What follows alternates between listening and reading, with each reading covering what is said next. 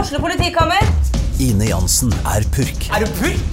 Alt jeg vil, er å finne ut hva som skjedde med mannen min. Jon Carew, Er jeg sikta for noe? Iben Akeli, Det er du. Ole So, Lars Berrum og Big Daddy Karsten. Hvem sin side er du på, egentlig? ja? Anette Hoff, Tone Danielsen, Kommer du fra Afrika? Jørnis Josef, Nesten. Kløfta. Trond Espen Seim, Det er side om side, men det var feil mann som døde. Purk. Premiere tirsdag på TV2 Play.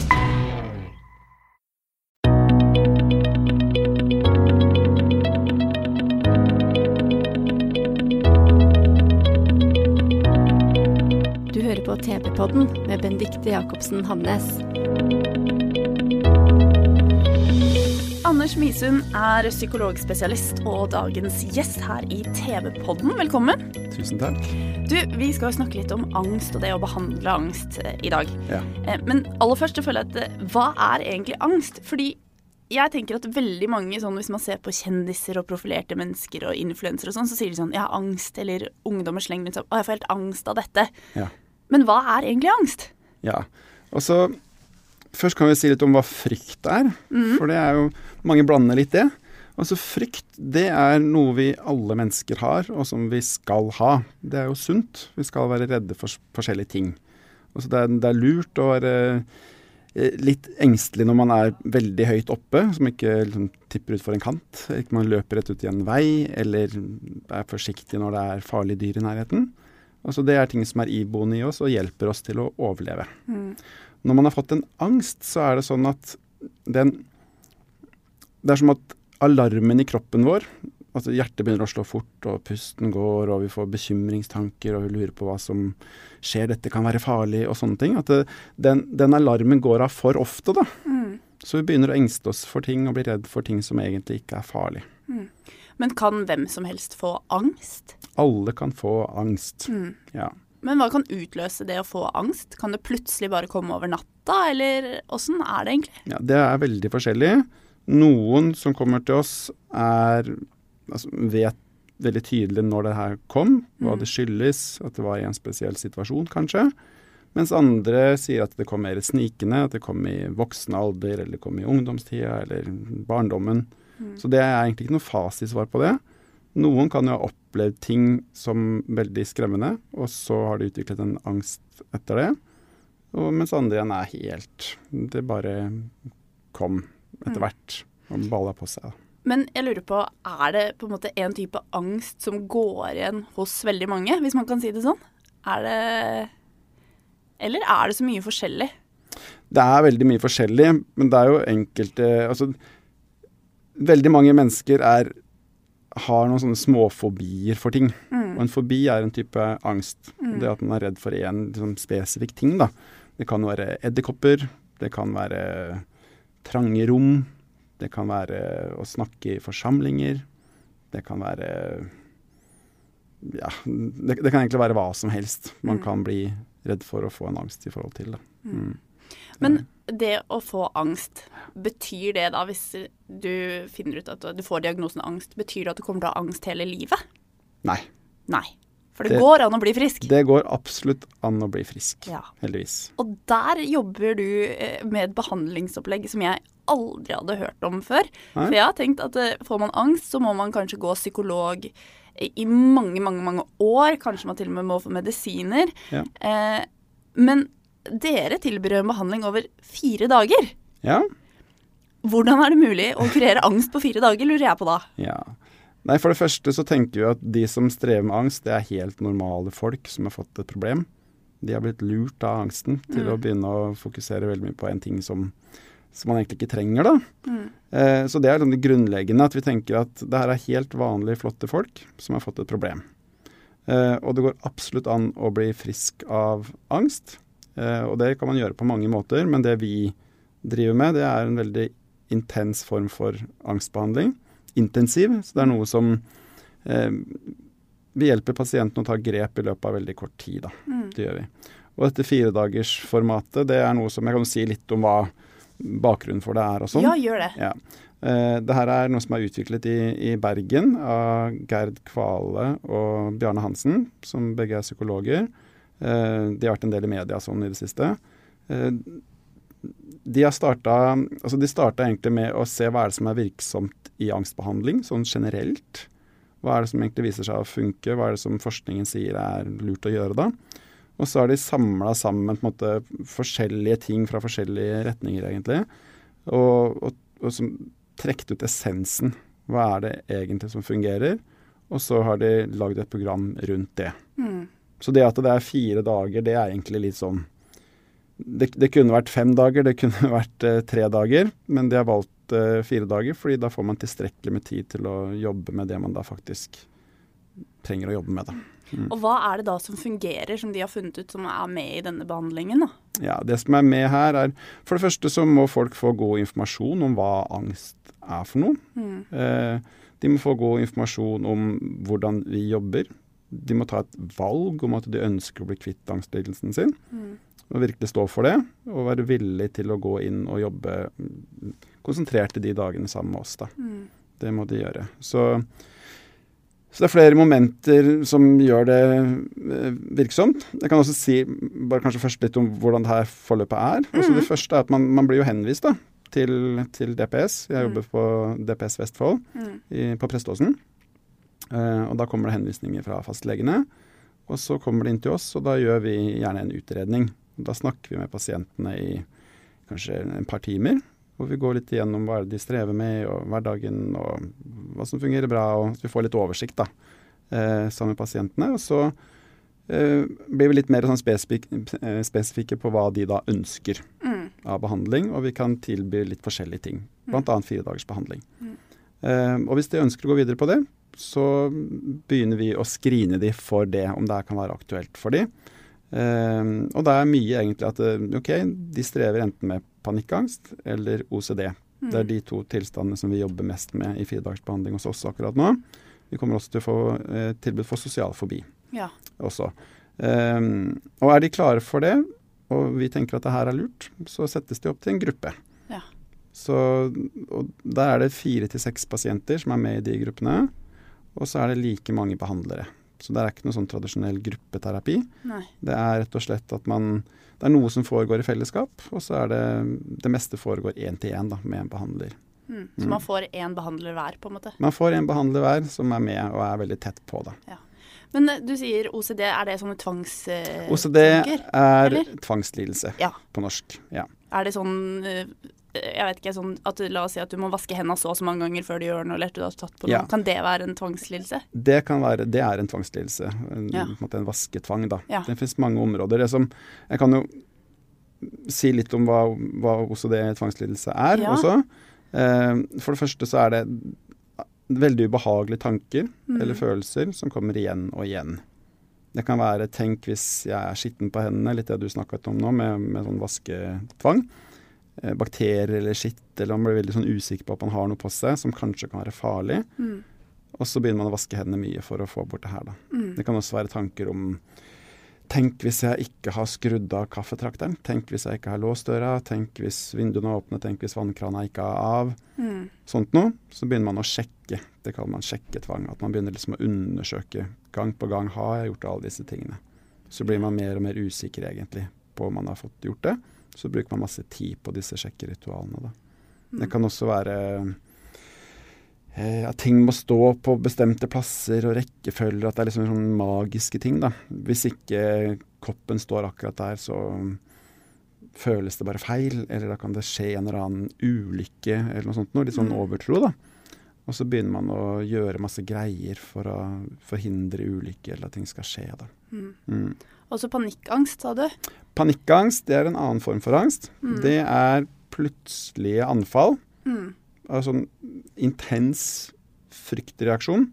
Så kroppen setter i gang en kjempealarm.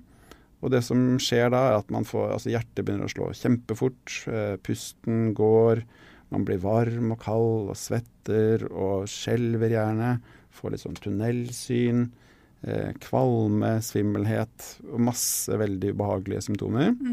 Ehm, det kommer veldig brått. Det kan komme helt ut av det blå. Det trenger ikke å være noen sånn ytre årsak til at det kommer.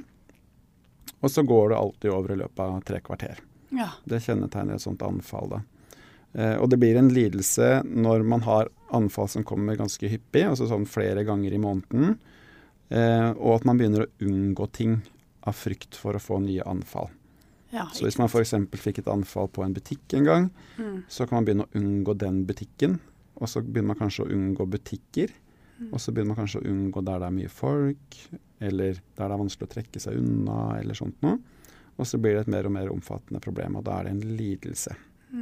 Det høres jo veldig komplisert ut å behandle i løpet av fire dager, da. Disse tingene her. Er det det? Eh, nei, vi tenker ikke det. Nei.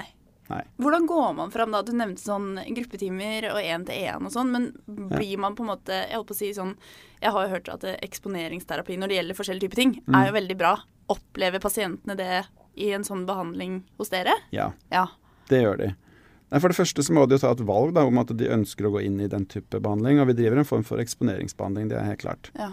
Ehm, mange av de som kommer til oss, har jo erfaring med eksponeringsterapi fra før av. De har også erfaring med å eksponere seg sånn i livene sine. Altså alle liksom, forsøker jo å komme gjennom dette her. Og så har det vist seg at de da ikke har klart det til nå, da. Og det vi da ser, er at de ofte gjør ting på en måte som, som blir uhensiktsmessig eller ikke ehm, De repeterer mer feil enn å få det til riktig, da. Å ja, Ja. ok. Og det som er essensen i det, er at man, hvis man eksponerer seg for ting, men samtidig sier til seg selv at dette er veldig farlig, så skjer det veldig lite endring, da. Så du må endre tankesettet ditt når du går inn i en situasjon du tenker er farlig? på en Ja, måte? tankesettet er nå én ting, men atferden er enda viktigere. Ok, hva vil Så det hvis si? jeg, da? ja, hvis jeg sier at jeg er eh, redd for å sitte på en buss, da. Mm. Det er mye folk, og tenk hvis jeg får panikkangst i den bussen. Det ville vært veldig flaut og kleint, og jeg kommer meg ikke unna og sånt noe. Mm. Eh, og det mange da gjør, er at for det første, mange begynner å unngå å ta buss i det hele tatt. Mm. Eh, og noen tar da bussen på en veldig bestemt måte, f.eks. setter seg der det er minst mulig folk. Har liksom headset på, caps, solbriller, kikker ned. Som sitter og overlever bussturen, da. Og da forteller du egentlig til deg selv at det her er innmari farlig. Og da fortsetter angsten. For angst. altså, kroppen gjør bare jobben sin da. Den, siden du sier til deg selv at det her er farlig, så får man flere symptomer. Og så baller det på seg. Så blir det på en måte verre og verre, da. Så vi er veldig opptatt av å signalisere at det her er ikke farlig. Så hvis en som er redd for bussen kommer på bussen, så er det noe med å OK, gå på bussen der det er mye folk. Eh, sette seg sammen med andre. Ikke ha noen sånne ting som skal regulere ned angst og ubehag. Da. Ikke ha med deg vann, ikke distraher deg med telefonen, ikke hør på musikk. Sitt og se på folk og på en måte lat som om det her er det mest easy tingen i hele verden. Liksom være til stede i det øyeblikket, da, egentlig. Ja, Ja. og litt sånn fake it till you make it-aktig. Men det funker, da. Det funker veldig bra. Ja. Det gjør det. Men hva er um, altså Du nevnte det, du har sagt det ved flere anledninger nå, at det er viktig at det folk som skal inn i dette pro- behandlingsprogrammet, på en måte er motivert for det og vil det Ja. og sånn. Men opplever du For jeg tenker at det høres jo litt sånn skremmende ut også. Opplever du at eh, folk er motivert og virkelig vil, men samtidig tenker at ah, litt usikker allikevel, for det er litt skummelt? Ja, Ja. og det det er jo egentlig også nesten en selvfølge, for Ja. de har en angstlidelse. Så det Ja. er jo, dette er gans- ganske skremmende, da. Så, men det Når man får informasjon om hvordan man jobber, om hva man gjør, og hvordan vi tenker om det her, Mm. så opplever folk som kommer til oss at det her er veldig fornuftig. Mm. At det gir mening. Og man forstår liksom, hvorfor man skal gjøre disse tingene man skal gjøre. Eh, og da opplever de gjerne at det her vil jeg gå om bord i, det her har jeg lyst til å gjøre. Eh, det her virker bra, da. Mm. Så selv om det er skremmende, så velger de å gå om bord i det. Men er det noen aldersgrense, holdt jeg på å si, for, eh, for en sånn type behandling? Ja, hos Ja. oss så er det fra 18 år og oppover. Ja. Ja. Og så er det sånn at eh, det er under utvikling i, i BUPA, i barnepsykiatrien i Vestfold. Eh, men det er ikke oppe og går ennå. Mm. Nei. Men i løpet av kanskje et år så vil det finnes den type behandling også for barn. Men jeg lurer på, hvordan eh, er det sånn at folk etter fire dager da kan gå ut fra dere og den behandlingen og si 'nå er jeg frisk'? Ja. Ja. Det er målet. Mm. Ikke sant? Og for veldig mange så er det tilfellet også. De gjør en så stor snuoperasjon i løpet av de dagene At de kan gå ut derfra og, og være friske. Hvordan har tilbakemeldingene da vært? Eh, Har folk kommet tilbake til dere og bare Livet mitt er helt forandra, eller hvordan går det etterpå, tenker jeg. Ja. Nei, Altså, opplegget hos oss er sånn at de Først så er det en utredning og en screening og alt dette her, og så er det disse fire dagene. Eh, og så møter vi da disse menneskene tre måneder etterpå Mm.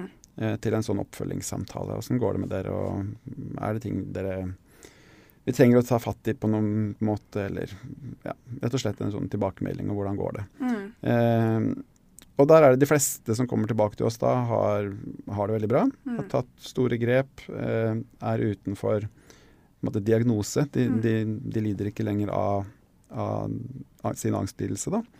Eh, og gjerne tilbake i jobb og, og fungerer og er, har det bra. Mm. Så det er jo veldig kult for oss å, å være med på å se. og Ja. At det, det går så bra med så mange, da. Ja, det tror jeg på. Mm. Men er det sånn em, ja, altså Jeg kan veldig lite om angst og disse type tingene, sånn, men er det sånn at eh, hvis de som har vært i behandling hos dere, kjenner sånn kanskje etter en liten stund at «Å, nå begynner jeg å kjenne på litt sånn angst igjen, sånn, har de fått med seg noen verktøy da for å vite hvordan de selv Ja. skal angripe det? Ja. Så du Det har de. får med deg liksom en sånn liten verktøykasse hjem? Det, hvordan du skal tenke, eller Ja, så absolutt. Ja. Eller hvor- hva de skal gjøre, Ja. ikke sant. Eh, det, det har de. Mm. Ja. Så vi tenker at når de går fra oss på altså Disse gruppene går alltid fra tirsdager til fredager. Mm. Eh, og når de går fra oss på fredager, så er målet vårt at de som kommer til oss, skal vite like mye om hvordan de skal håndtere det her, som det vi Mm. kan. Men Mm. inkluderer man familie eller venner også i en sånn type behandling? For jeg tenker at man er jo kanskje avhengig av nettverket rundt Ja. for å få en støtte eller hjelp, da. Ja. Og da har vi en sånn pårørendeundervisning på Ja. torsdager, som er også en veldig viktig del av behandlingen, for vi ser ofte at mm, altså, familiemedlemmer, venner, eh, kjærester, at de blir involvert i angsten, da. Altså Mm. de blir en, på en måte, nesten en brikke i det, i mange tilfeller. Mm. Og da er det viktig også for de å få informasjon om hva det her er for noe, hvordan vi behandler dette her, og hvordan det, også litt hvordan det er å være pårørende, da. Mm. Så det legger vi opp til. Mm. Så, for jeg tenker det må jo være litt slitsomt å være pårørende også til noen som har angst, og se at noen du er glad i bryr deg om, sliter, og så kan du på en måte ikke hjelpe dem. Ja. Ja. Ja, det er veldig, det er veldig slitsomt, og det kan være veldig vondt å se det. Men hva, hva er ditt sånn tips, holdt jeg på å si, nå, hvis noen hører på nå, da, som eh, kjenner noen som har en angstlidelse av noe slag, har du noe råd til dem til hva de kan gjøre for å kanskje gjøre situasjonen bedre, eller hjelpe til Mm. på et vis, da? For det første så er det jo den som strever med det her, som må ta et valg om de ønsker å ha, altså, gå inn i behandling, om de ønsker å gjøre noe med dette her. Så det er liksom det første. Ønsker de faktisk å ta grep om, om det her? Ehm, og hvis de gjør det, så vil jeg jo altså, Som venn og eh, pårørende så vil jeg jo være en, en støtte da, til, til å gjøre det. Altså, søk behandling der det, der det trengs. Ehm, og av og til kan det være fristende som pårørende å begynne å, å hjelpe til. Sånn type dra på butikken for vedkommende, eller mm, forsikre at dette kommer til å gå bra, og mange sånne type ting. Ehm, som, som er veldig naturlig at man gjør, for man ønsker jo å hjelpe de som strever. Men samtidig kan det egentlig være en liten bjørntjeneste også, for det gjør at det mennesket isolerer seg enda mer. Da. Så det er et litt sånn tvega sverd, det å skulle liksom, støtte eller hjelpe angsten, egentlig, da. Så vær til støtte for den personen som er bak denne angsten. At eh, Få den personen fram, og eh, Være der. vær der. Men du nevnte også det at man må ha lyst til å på en måte bli frisk, da. Eller ta grep selv. Men er det Altså, er det så lett som det høres ut som, på en måte? Å bare sånn bestemme seg for det? Eller er det en prosess som- som man må igjennom når man har angst? Ja. Altså det er jo det er litt forskjellig. Og første delen av prosessen er gjerne at man søker om hjelp. Da. At man går til fastlegen sin og ber om å bli henvist til oss eller til, til andre som driver med behandling. Mm. Eh, så i det ligger det også et valg i at n- nå har jeg det faktisk så vanskelig, eller nå trenger jeg faktisk å få gjort noe med det her, så jeg går til legen min for å bli henvist. Da. Mm. Ehm, og så kommer de da til oss, og så, som sagt så får de en del informasjon om hva vi driver med, og, og mange opplever det som veldig fornuftig. og tenker at eh, ja, det her ønsker jeg å være med på. Det her ønsker jeg å ta grep om. Det her vil jeg gjerne komme ut av disse Mm. vanskene, da. Så, så mange opplever det som skremmende, men veldig meningsfullt. Mm. eh, og, ting de, og fornuftig, da. Mm. Føler du fortsatt at psykisk helse er litt sånn tabu? At det er litt sånn øh, skambelagt å si at man sliter psykisk? Jeg tror det er veldig forskjellig. Jeg tror for mange så er det det. Mange ønsker ikke å, å snakke om det her. Mange ønsker å holde ting for seg selv, eh, og at de syns det er flaut. Mange sier at det er enklere med et beinbrudd, for det, det ser man når man veit hva som er årsaken, og man kan liksom bli frisk igjen og, og sånn. Mm. Eh, sånn psykiske vansker er ofte mer eh, usynlig. Det er ikke det man ser på folk. Kan se helt oppegående og normale ut, og så kan man allikevel streve en god del. Da. Mm. Eh, Så for mange er det det, men så tror jeg også at det har vært mye belyst sånn som i, ja, i media og TV-programmer og litt det vi gjør nå og sånn, at det, det er veldig nyttig da, for å få belyst at psykiske vansker er der ute, og det går an å få behandling for det, og det her er flotte, normale folk som har fått et problem, som vi kan hjelpe de ut av. Mm. Mm. Så mer åpenhet rundt det er egentlig bra, da. Ja, jeg tenker det. Mm. Absolutt. Så, det, så jeg tenker sånn, noe av det viktigste vi har lært nå, er jo at det- dersom du får diagnosen angst i en eller annen form, Mm. så blir du frisk hvis du får riktig behandling. Mest sannsynlig. Ja, det er hovedsvaret. Ja. Det er det. Mm. Så sørg for å søke hjelp hvis det her er et problem som går utover livskvaliteten. Mm. At man ikke får gjort det man vil, at man føler at angsten styrer hva som er greit og ikke greit Mm. å gjøre i et liv. Da tenker jeg at det er på tide å, å gjøre noe med det, da. Men hvis man er under 18 da, Mm. Ja. eh, og kanskje går på ungdomsskolen eller Mm. barneskolen eller sånne type ting, hva, hva er ditt råd da hvis noen hører på noe som tenker at jeg lurer på om jeg har litt angst, eller jeg syns kanskje følelser eller dette her er litt sånn vanskelig, Mm. men jeg vet ikke helt hvem jeg skal snakke til fordi det er flaut å si det til mamma og pappa f.eks. da. Ja. Hva, hva gjør man da?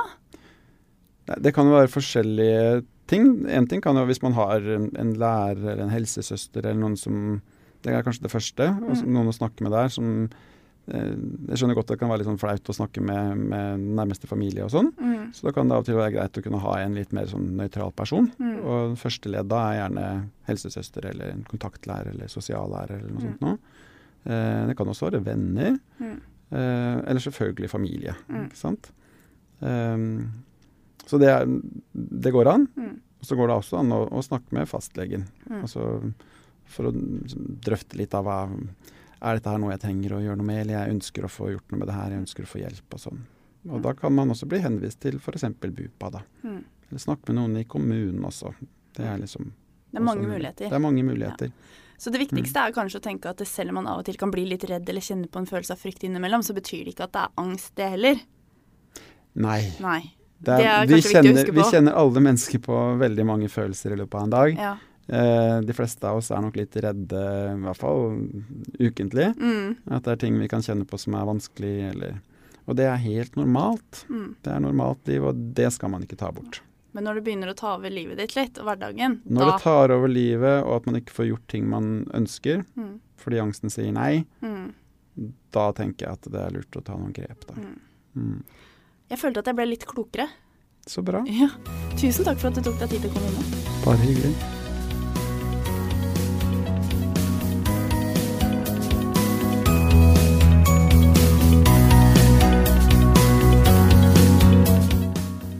Du har hørt på TV-podden, en podkast fra Tønsbergs Blad. Denne episoden var laget av Benedicte Jacobsen Hamnes og Marie Olaussen. Sigmund Kydland er vår ansvarlige redaktør, og musikken er ved Scott Holmes. Hvis du vil høre mer fra Tønsbergs Blad, kan du søke opp Tønsbergs Blad der du hører podkast.